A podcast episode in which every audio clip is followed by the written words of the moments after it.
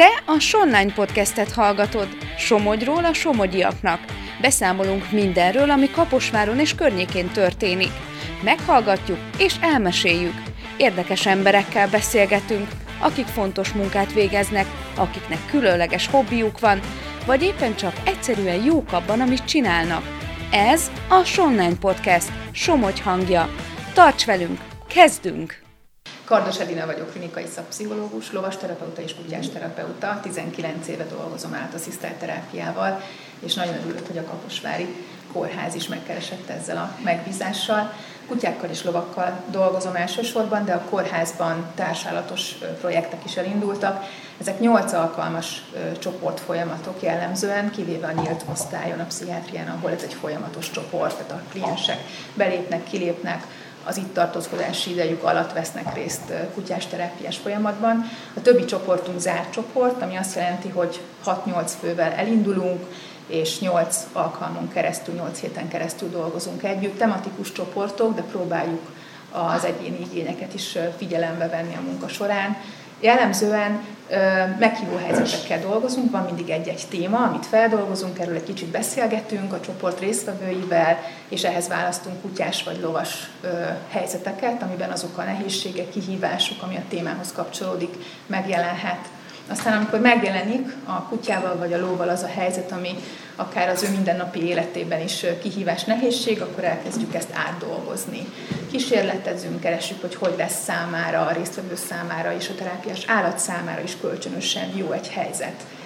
Nagyon fontos, hogy miután a társas kapcsolati mintákat próbáljuk meg imitálni, tehát tulajdonképpen edzőtársak ezekben a lovak, dolgozunk, és a kutyák is, dolgozunk azzal a tükörrel, amit ők a velük kapcsolatba kerülő embernek nyújtanak hogy ő mennyire tud tiszta jelzéseket adni, mennyire tud nyugalmat adni, mennyire tud odafigyelni egyszerre a saját és a másik igényeire, hogyan képviseli a saját igényeit. Minden, ami egy társas kapcsolati helyzetben megjelenik, az megjelenik az állatokkal való munkában is, és ez a tükör, ez a visszajelzés, ez szerves része ennek a terápiának. Nem állunk meg ott, hogy a kutyától trükköket kérünk, hanem azt nézzük meg, hogy hogyan kértük, mi az, amitől működött, mi az, ami nehezítette azt, hogy a kérések megvalósuljanak. Mely állatok alkalmasak erre a munkára, és hogy ezt hogyan döntik el, hogy az az adott állat alkalmas lesz majd későbbiekben? A lovaknál és a kutyáknál is, és akár a nyusziknál is odafigyelünk arra, hogy terápiára alkalmas karakterükbe, a terápiás munkához illeszkedő állatokat válasszunk ki. A kutyáknál ez nagyon egyszerű, hiszen egy, egy nagyon komoly vizsgán kell, két szakaszos vizsgán kell keresztül menniük ahhoz, hogy egy kórházba dolgozhassanak.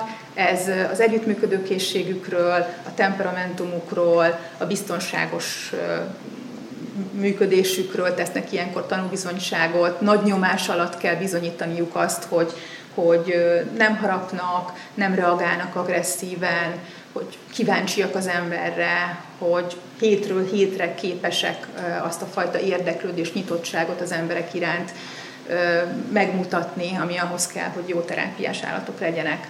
Nekünk nagyon fontos, hogy egyszerre legyen érzékeny, tükröző egy állat, és egyszerre legyen teherbíró egy állat, és ennek a kettőnek az egyensúlyát kell megtalálnunk, megkeresnünk a terápiás munkatársainkban. Ez a lovakra is ö, igaz és a kutyákra is egyaránt. Említette, hogy fiatal és ö, akár serdülő, vagy gyerekcsoportok és felnőtt csoportok más-más a terápia? Van, aki mondjuk gyerekekkel talán könnyebb, vagy ö, akár a serdülőkor a legnehezebb időszak, mik a tapasztalatok?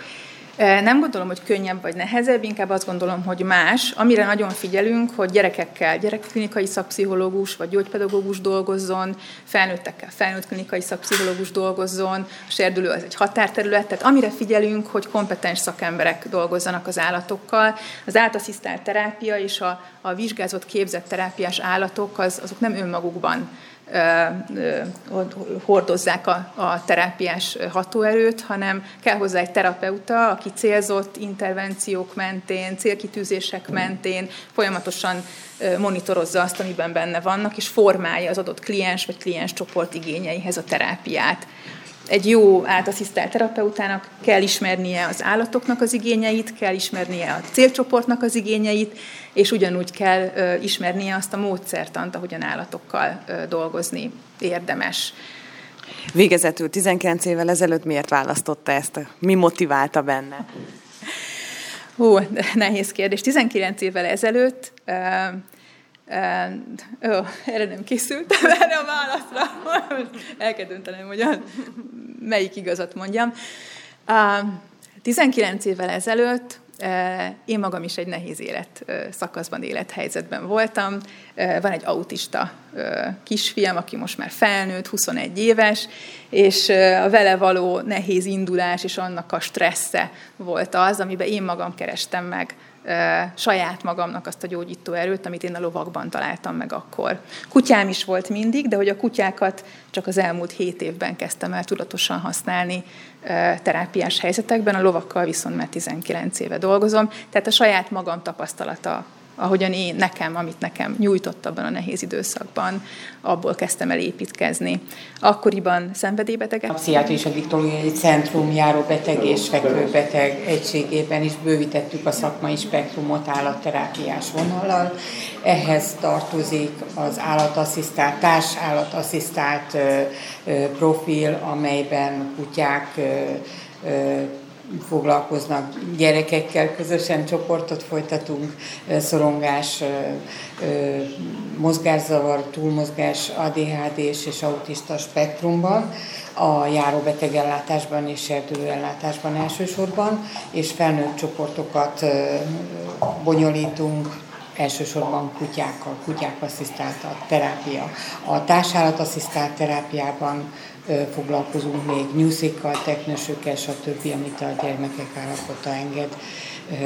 Nagyon széles spektrumban dolgozunk most ezzel, és ehhez még kapcsolódik a lóasszisztált terápia, amely egyenlőre serdülők csoportjában zajlik, kint a Lovas Akadémián az egyetem területén. Ezt is szeretnénk még bővíteni a felnőtt betegek bevonásával csoportosan, és szeretnénk dolgozók számára a burnout tréninget és lóasszisztált terápia kereteibe bevonni. Ennek a Jó. Én azt szeretném én kérdezni, hogy milyen célnal, hogy akár a szakmai tapasztalatok alapján választották, hogy kórház azért nem egy állatasszisztált képzés, a kórházban annyira nem elterjedt. Nem tudom, hogy itthon vagy inkább külföldi minta alapján, és a tapasztalatok mutatják ezt, hogy jó hatással van a pszichés problémákkal küzdőkre. Miért döntöttek úgy, hogy elindítják? Mindkettő úgy gondolom, tehát van ennek már külföldi gyakorlata is, de hazánkban is több helyen foglalkoznak ezzel. Úgy gondolom, hogy nagyon jók a tapasztalatok, és a fekvőbeteg ellátásban is minél gyakrabban szeretnénk ezt elsősorban szorongásoldásra, kommunikáció, nonverbális kommunikáció javítására, támogatásként, asszertivitás fokozására úgy gondolom, hogy kiválóan alkalmas. Én még annyit hadd kérdezzek, hogy a koronavírus járvány alatt egyre több ilyen posztcovidos pszichés problémák is jelentkeztek, hogy tapasztalják, hogy akár a fiatalabb vagy az idősebb generációban kicsit ez megnövelte az ilyen esetek számát? Hát a Covid már magával hozta jó néhány korábban észlelt beteg állapotának súlyosbodását is, de az izoláció nagyon rossz hatással volt az idősekre is, és úgy gondolom, hogy ennek a hatása napjainkban is érezhető. Te a Sonline podcastet hallottad, tarts velünk legközelebb is! További érdekes tartalmakért lapozd fel a Somogyi hírlapot, olvasd a sonline.hu-t, kövess minket a Facebookon és a TikTokon is és helyi tartalmakért hallgasd a Hírefem adásait a 97.5 frekvencián.